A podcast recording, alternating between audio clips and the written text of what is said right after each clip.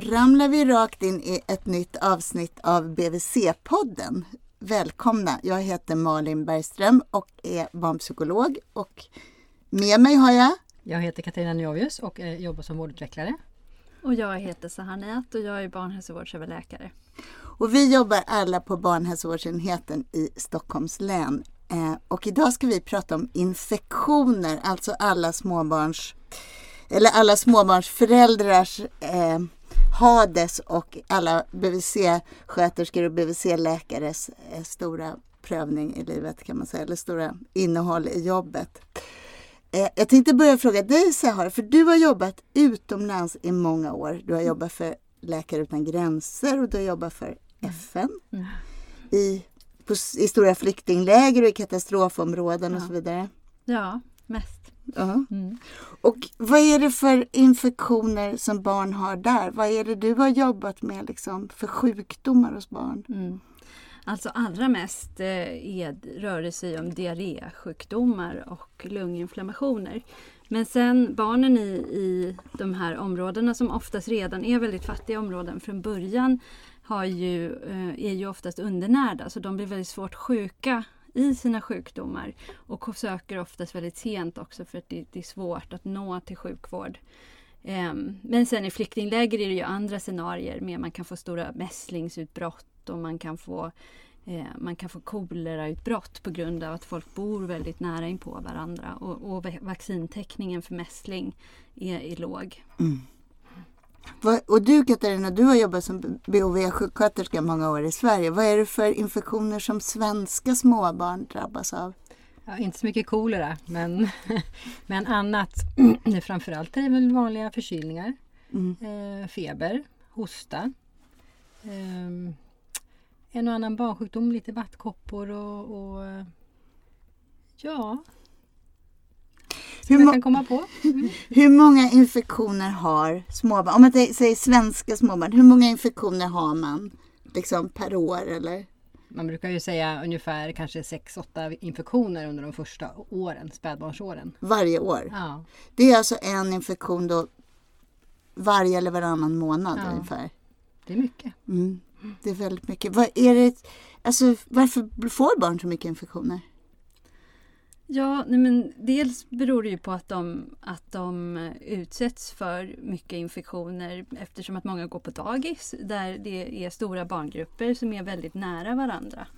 Eh, och sen är det ju väl många nya bakterier som barnen ska vänja sig vid som de inte har, bakterier och virus ska jag säga, Mm. eh, eh, som barnen ska vänja sig vid och deras immunförsvar ska vänja sig vid.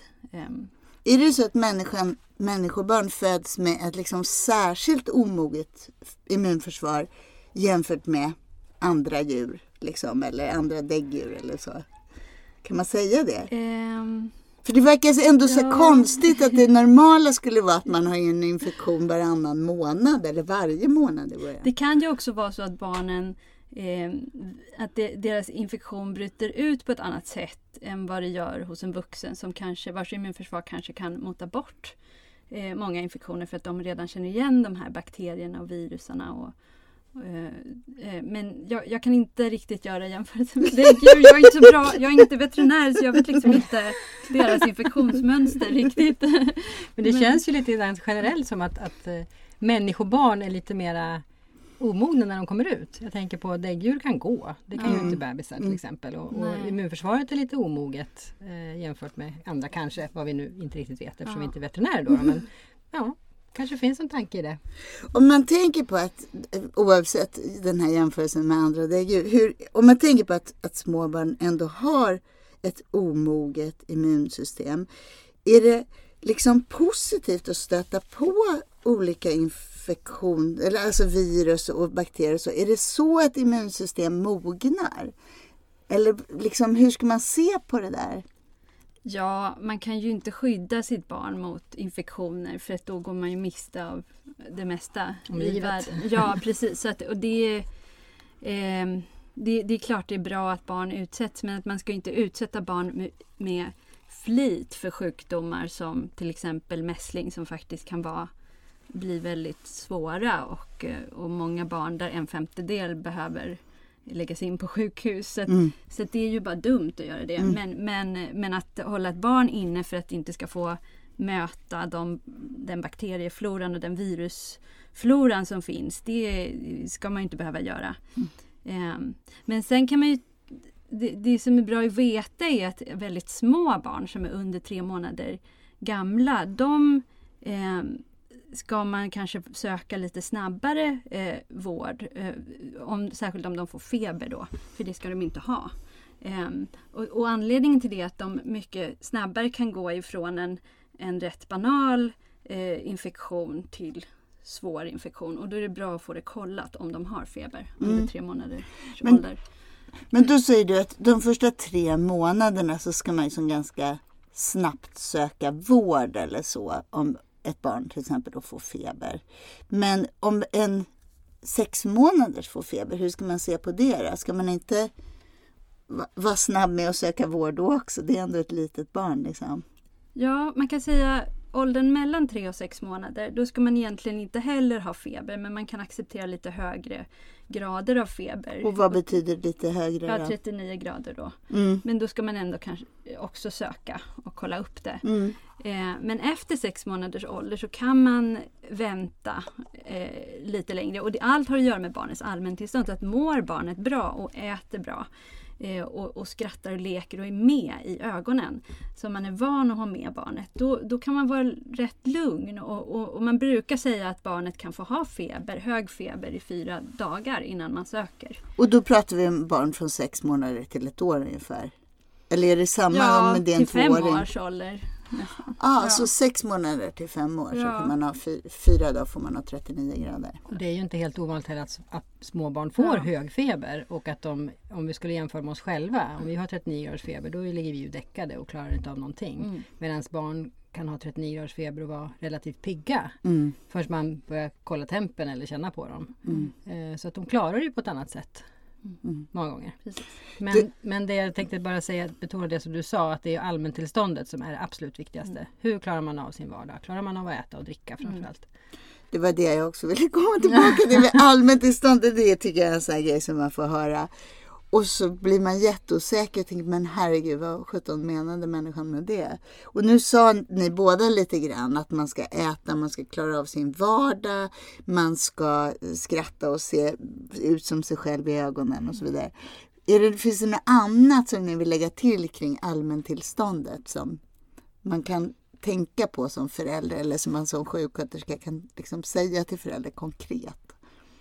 Ja, i så fall, jag menar, om, om barnet har väldigt hög feber så kan man ju vara påverkad av det. Men då kan man ju prova att ge en Alvedon och se om man... För då kan man få tillbaka det där barnet som man känner igen eh, ungefär en timme efter att man har fått eh, febernedsättande. Och då, och då kan man vara lugn om barnet ändå är sig självt och kan äta och dricka. Men eh, när febern har gått ner. Men då kommer vi till den där intressanta frågan om febernedsättande. Hur ska man se på det? Ska man ge det till barn med feber eller barn med smärta? Eller ska man vara restriktiv med det? För jag tänker att det är många föräldrar som ändå... Alltså man kanske tänker att... Ja, både att det där kanske har någon negativ påverkan men också att liksom paracetamol eller vad man nu ger för någonting, att det också på något sätt kan lura barnet att det är piggare än det är och så springer de runt och far och när de egentligen borde sitta och vila och så. Vad tycker, hur tycker ni man ska se på det? Jag tycker vi återkommer till det hela tiden om allmäntillståndet. Eh, Men att, att man tittar på det. Om man har ett barn som inte eh, orkar dricka eller äta lite grann. Man behöver inte äta som vanligt men att man orkar få i sig lite grann. Har man svårt att få i barnet det på grund av att man har feber. Då finns det all anledning att ge febernedsättande. Eh, men man ska inte ge det om man har ett barn som har 39 grader och är pigg. Mm. Då finns det ingen anledning att ge det. Eller att- om man har ont för att man har en öroninflammation Precis. eller ont i halsen. Det kan man ju också ge. För att både paracetamol och ibuprofen minskar ju smärta också. Mm. Men jag tänker när man ger eller febernedsättande eller smärtlindrande för just om man har bara en smärta. Då ska man gärna veta vad smärtan, vad orsaken till smärtan är. Om det nu är öroninflammation, att man kan konstatera att det är Ja. något sånt. Att man inte bara ger barnet skriker Nej, och så ju. ger man Ja. Alvedon. Det blir jättejobbigt. Eller kan bli jättejobbigt. Det har du helt rätt i. Man ska ju veta varför Ja. barnet har ont innan man ger Precis. smärtlindrande. Ja. Och då är det för att det kan vara något farligt annars? Ja, det skulle ju kunna vara någonting annat som, eh, som man har ont av. Någonting i buken till exempel. Ah, ja, ja, Eh, och då, det. ger man då, smärtlindring, då, då döljer man ju då det i sådana fall. Mm. Det är ju inte vanligt men det är i alla fall en viktig aspekt. Men om man bortser från den, sådana orosmoln så kan man ta ner barns feber liksom, regelmässigt så länge man följer den här instruktionen på förpackningen. Liksom, så går det bra. Ja, det Absolut. skulle jag säga. Finns det saker eller liksom typer av infektioner eller sjukdomar som man behöver vara extra vaksam på om man tänker små barn som är liksom eh, extra svåra eller farliga för små barn? Ja, då kan man ju särskilt tänka på RS-virus som är en luftvägsinfektion eh, och som vi tyvärr inte, eh, ännu inte har något vaccin för och som drabbar små barn. Eh, väldigt mycket i fattiga länder men även här i Sverige hamnar små barn på sjukhus på grund av RS-virus. För För, förlåt, så vad Ja. en luftvägsinfektion, vad betyder det? Att det är en förkylning eller vad är ett RS-virus? Hur, hur, hur, hur mår barnet när det har, den, när det har ett sånt? Eh, Ja, alltså särskilt små barn kan ju bli väldigt tagna. Äldre barn kanske bara hostar lite. Medan spädbarn och barn under sex månader kan få svåra andningsbesvär. För att RS-virus ger ett väldigt, väldigt segt slem. Eh, Och eftersom att barnens, eh, de spädbarnens luftvägar är så pass små så täpper det liksom till de här luftvägarna. Eh, Och de får svårt att andas. Och då kan de behöva eh, komma till sjukhus och få, få hjälp med eh, med eh, koksalt, fuktat vatten, Inhalationer. inhalationer. Mm. Precis. Men det är helt enkelt som en jättekraftig förkylning för ett sånt där litet barn då? Är det det, så Ja, RS-virus är? Ja, det kan man säga. Men för ett, för, ett, eh, för ett spädbarn eller barn under sex månaders ålder så kan det innebära att man inte orkar amma. Och det är ju farligt för ett barn att inte Mm. orka få i sig Mm. bröstmjölk Mm. ehm, eller mat. Mm. Så att det, det, ja, det är som en förkylning men, men den kan bli väldigt allvarlig för väldigt små barn. Så den ska man vara, RS-virus ska man vara extra uppmärksam på. Och det är väl något sånt där också som jag tänker att det florerar en massa råd. Så här, hur ska man undvika det? Alltså hur, hur ska man göra? Kan man till exempel gå ut med en unge och gå på ett fik liksom, där det är andra barn om den är liten? Eller hur, hur försiktig ska man vara kring RS-virus? Ja, nej, men det har man ju sagt att det finns ingen, ingen forskning som talar för att det skulle vara farligt att gå ut på ett fik med ett barn. Däremot eh, kanske man ska undvika under RS-säsonger att man ska undvika eh, större grupper med småbarn eh, som kan bära på smittan. Men det är naturligtvis svårt om man har yngre syskon hemma så smittar ju de naturligtvis. Och går de på dagis så får de ju med sig smittan hem och då, det är ju nästan oundvikligt ibland. Men eh, det kan man inte riktigt skydda sig emot då. Men, men det som är viktigast är ju, är ju handhygien. Eh, det vet man. Eh, också amning skyddar. Eh, och, och det ska man komma ihåg att bröstmjölken eh, den innehåller ju antikroppar och den innehåller vita blodkroppar eh, som skyddar mot infektioner och även cytokiner. Och så amning hjälper mot, som skydd mot förebyggande mot RS-virus. Eh, och sen också att man eh, inte befinner sig i rök, rökfyllda miljöer för det, det ökar också riskerna för RS-virus. Mhm. Okej, så amning och att man inte ska röka nära barnet. Det skulle då vara viktigare än att jag inte åker buss med en liten bebis i RS-tider. Ja, Mm. Ja, det här är ju ganska nytt för vi har alltid tidigare sagt att man ska vara restriktiv med just eh, sådana miljöer. Åka tunnelbana i rusningstid eller vara på kaféer och så. Men, Mm. men nu har det ju visat sig att det inte fick, riktigt finns någon evidens för att det skulle vara eh, farligt ur det här hänseendet. Får, men om, om man hämtar på förskolan så får man inte ta med lillbebisen så att alla får pussa med snoriga munnar och sånt. nej det kanske är lite Just onödigt. det kan man väl låta bli. Ja. Men det är ju så gulligt. är det någonting, någonting, nu pratar vi om RS-virus som man kan tänka sig ändå är lite så här rött skynke för många föräldrar. Man är rädd för det. Men finns det någonting mer som man ska vara extra försiktig med, någon infektion? Som man ska ha respekt för liksom, när barnet är riktigt litet? Det finns ju du- många, jag vet inte Tänker riktigt du vad vi på ska... råtavirusinfektion? Ja. Ja. Mm.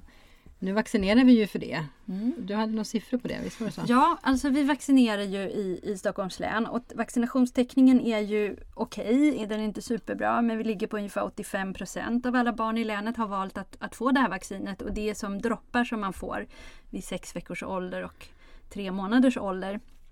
Eh, i, som, man, som man får dricka eller som man droppar i munnen.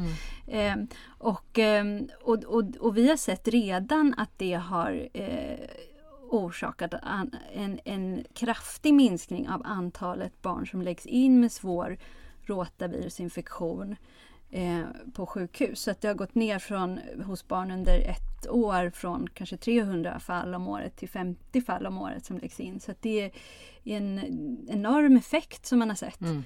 Vad är rotavirus? Vad, hur, vad blir barnet för sjukt?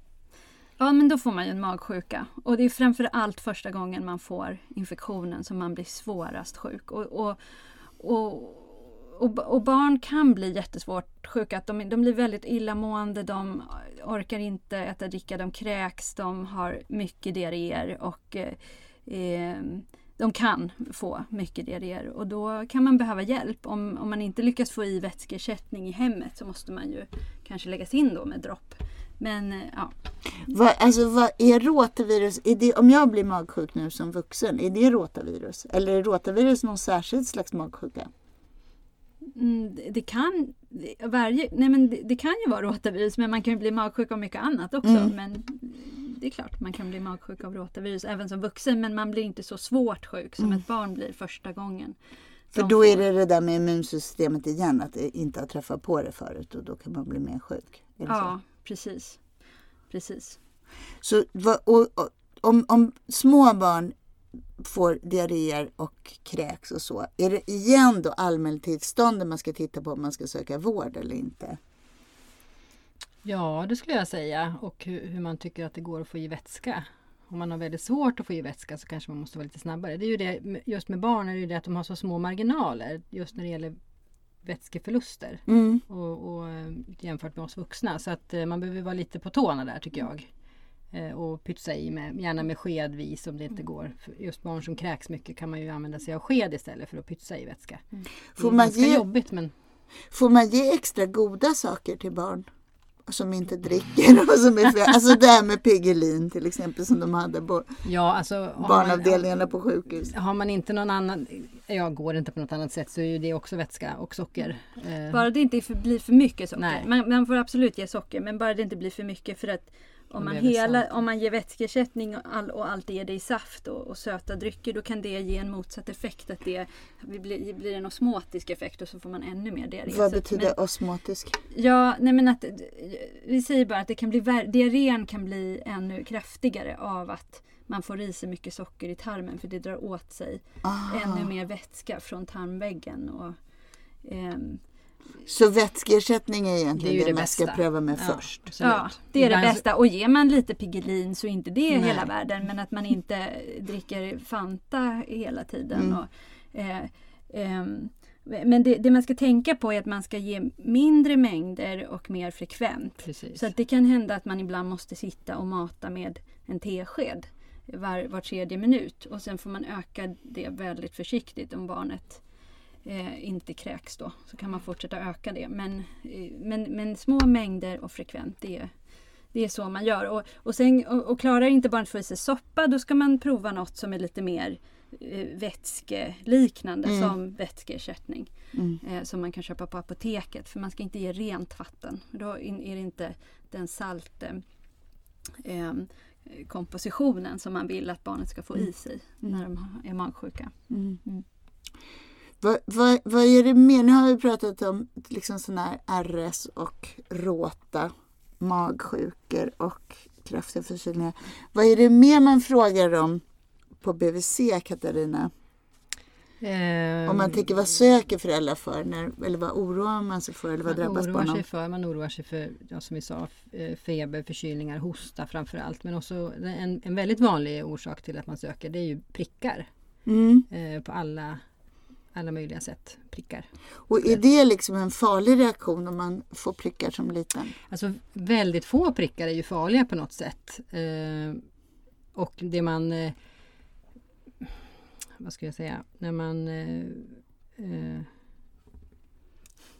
Du sa att de inte är farliga prickar. Nej, utan, ja, just det. Utan att huden har ju en, en förmåga att reagera på olika saker. Mm. Huden kan reagera med prickar på en infektion, en virusinfektion eller en bakteriell infektion.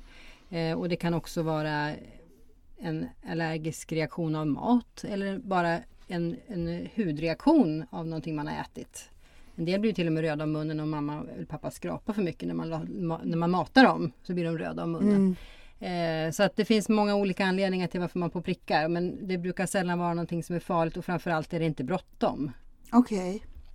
Nej, och, och man kanske ska tänka först och främst att om man tror att det är smittsamt att man inte ska kliva in på BVC med de prickarna utan då får man gå till, till vårdcentralen eller, eller ett sjukhus för där kan man isolera på ett annat sätt. Eh, Men, men prickar i sig behöver man ju egentligen inte söka för. Eh, och det, alla möjliga virus kan ge olika prickar. Mm. Eh, och man, man, kan också, man kan också fotografera prickarna på sin, med sin mobiltelefon och visa upp det senare om man undrar vad det var för någonting eller eh, vill visa hur det såg ut igår så kan man ju dokumentera det på ett väldigt enkelt sätt nu för tiden. Men om det kliar? Ja, om det kliar, om barnet är besvärat av utslagen, eh, då kan man ju visa upp det. För då finns det ju olika eh, tips man kan få eller så kanske man vill se att det inte är en allergi. Ehm, så det kan man ju visa upp, absolut. Mm. Om barnet är besvärat. Den enda gången jag tänker att det skulle kunna vara någonting om man har prickar det är om man är, är, är sjuk och, blir ganska snabbt försämrad och har prickar. Då skulle väl jag jag tänker på petechier då, Ja. som är en slags hudblödning som visar sig som prickar, vilket är jätteovanligt. Ja. Ja. Och det är ju prickar som inte kommer ju- försvinner när man nej, trycker precis, på dem. Och de kommer ju inte av sig själv. Det är ju inte bara prickar, utan då Nej. är man ju allmänt Nej. Då kommer du Sjuk. tillbaka till det här eviga Ja, allmäntillståndet vet som, är, som är det här favorit. Ja. Att man ska ha koll på det. Mm. Jag, jag måste fråga också, alltså det här med förskolan. Jag vet inte med er, men jag har ju ändå någon gång hänt att man har haft ett litet barn och något asviktigt möte och man känner att den håller på att bli bättre och man ger en liten tablett och så lämnar man den på förskolan och hoppas att den ska hålla fram till lunch i alla fall. Alltså hur ska man, och så har man skitdåligt samvete för man känner att man har liksom smittat ner eller så. Hur är det med smitta och när får man lämna och när får man inte lämna?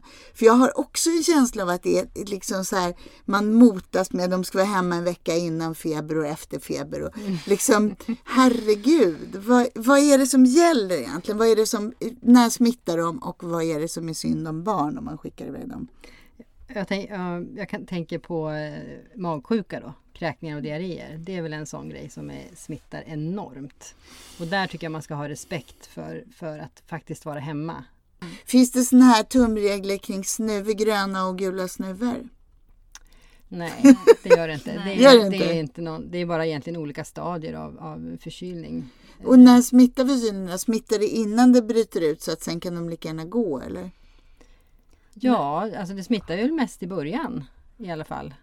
Ja, Mm. ja, ja, alltså, ja det, det, men, men det kan ju olika, det är olika för olika virusar hur länge man är smittsam. Men, Generellt men man tänker, ja precis, men att jag, jag, jag tror att man behöver gå på barnets allmäntillstånd Precis. här också faktiskt. Nu återkommer vi till det här för att nyser man lite grann så är det ju ingen, det är ju alla barn på dagis nyser lite. Alla barn på dagis har lite- snor. Ja, och är lite snuviga. Och, och Mm. det, eh, men, men om man inte mår bra eller har feber då ska man ju stanna hemma eller väldigt tydligt liksom hostar och snu, liksom jättesnorig. Då Mm. ska man ju inte vara på, på dagis. Nej, jag tänker man måste ju...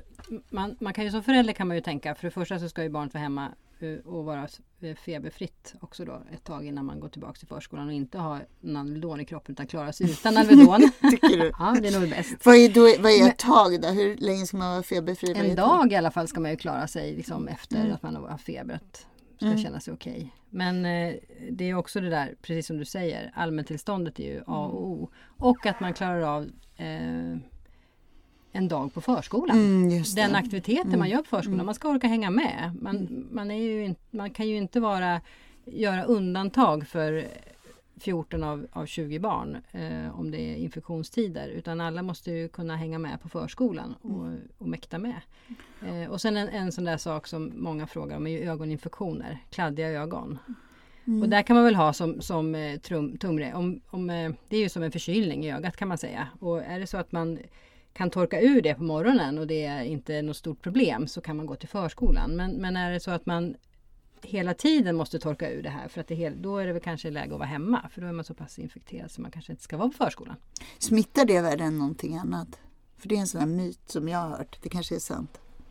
Ja, ja det kan ju smitta. Absolut. Eh, det- för det kan, ju, det kan ju vara en bakteriell infektion i ögat. Så att, men värre än något annat vet jag inte. För det tycker jag jag har hört att det är det mest smittsamma. ja, och liksom. framförallt om man får det ena ögat så kan det väldigt lätt sprida sig till det andra. Och, ja, så handhygien är ju väldigt viktig Mm. då eh, faktiskt. Jag tänker på hosta måste väl också vara en vanlig grej. Jättevanligt. Eh, att man oroar sig för. Alltså, Eh, och att man frågar dem. Och att de har. Alla, det är vanligt överhuvudtaget. det stör väl ens egen sömn också som jo men förälder? precis. Eh, och eh, hosta är ju egentligen en, en, ett symptom på att det, att det är någonting som retar i halsen. Att man, och, och det är ju oftast är ju hostan där någonting bra. Den re- rensar ju luftrören. Så det kanske man inte alls ska ta bort. Det bästa brukar ju vara vatten i samband med hosta för att lösa upp om man nu har segt slem till exempel. Hostmediciner eh, som man kan köpa på apoteket är ju oftast inget Nej, det finns ingen Det finns inget evidens egentligen bakom Nej, okej. hostmediciner. Eh, Så att, så att, egentligen ska man ju låta barnet hosta för att få upp slemmet. Okej. Och det brukar, hostan brukar ju sitta i några veckor, sen försvinner ju den. Det är Ja. ju sällan någonting som man behöver behandla. Ja, Om man är pigg och hostar, Ja. alltså har bra allmäntillstånd, får man gå på förskola då? Absolut. Och vad säger ni om sådana här husknep att man ska sitta upp och sova när man har hosta och dricka varma saker och sånt? Hjälper det?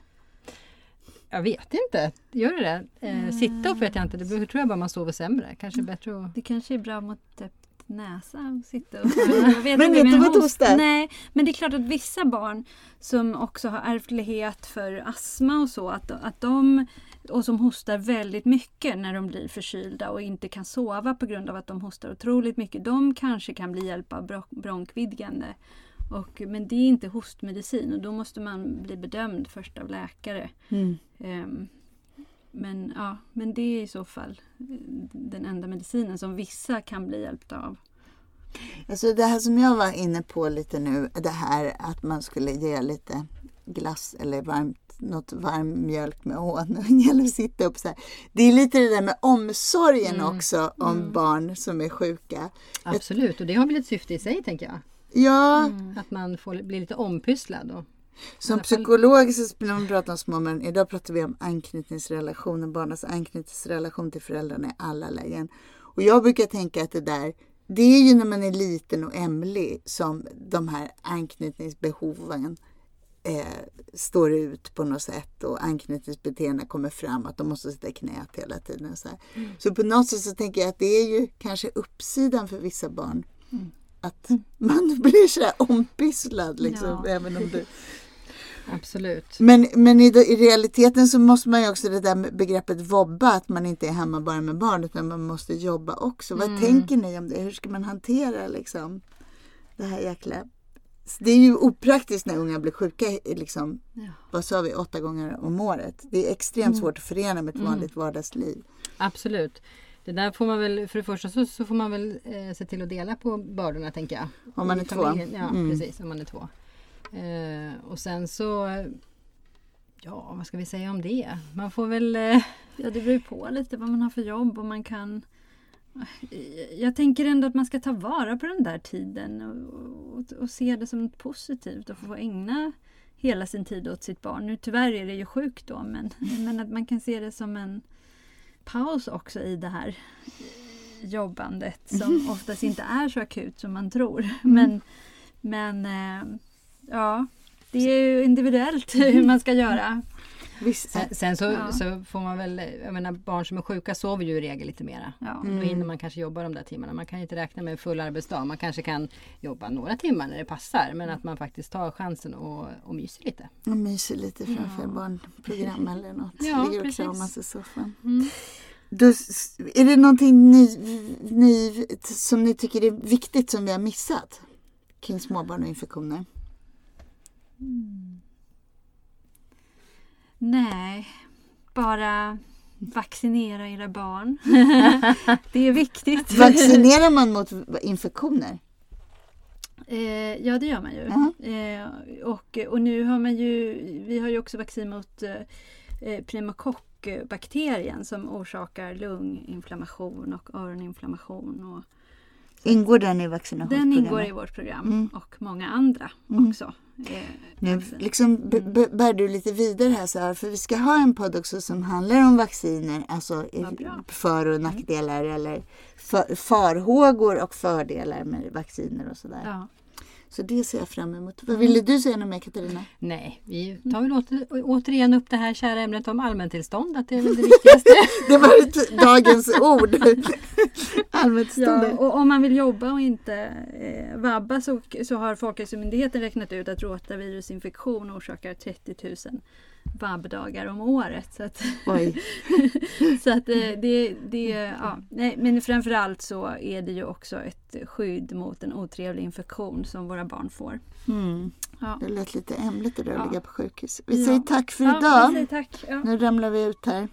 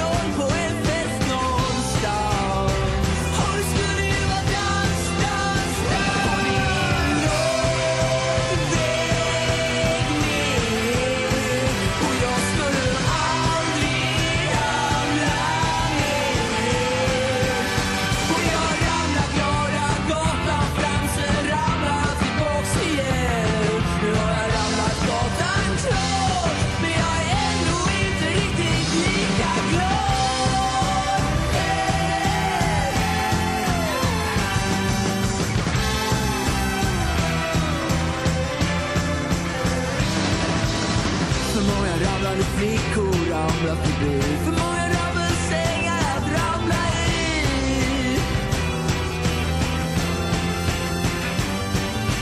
Människor ramlar runt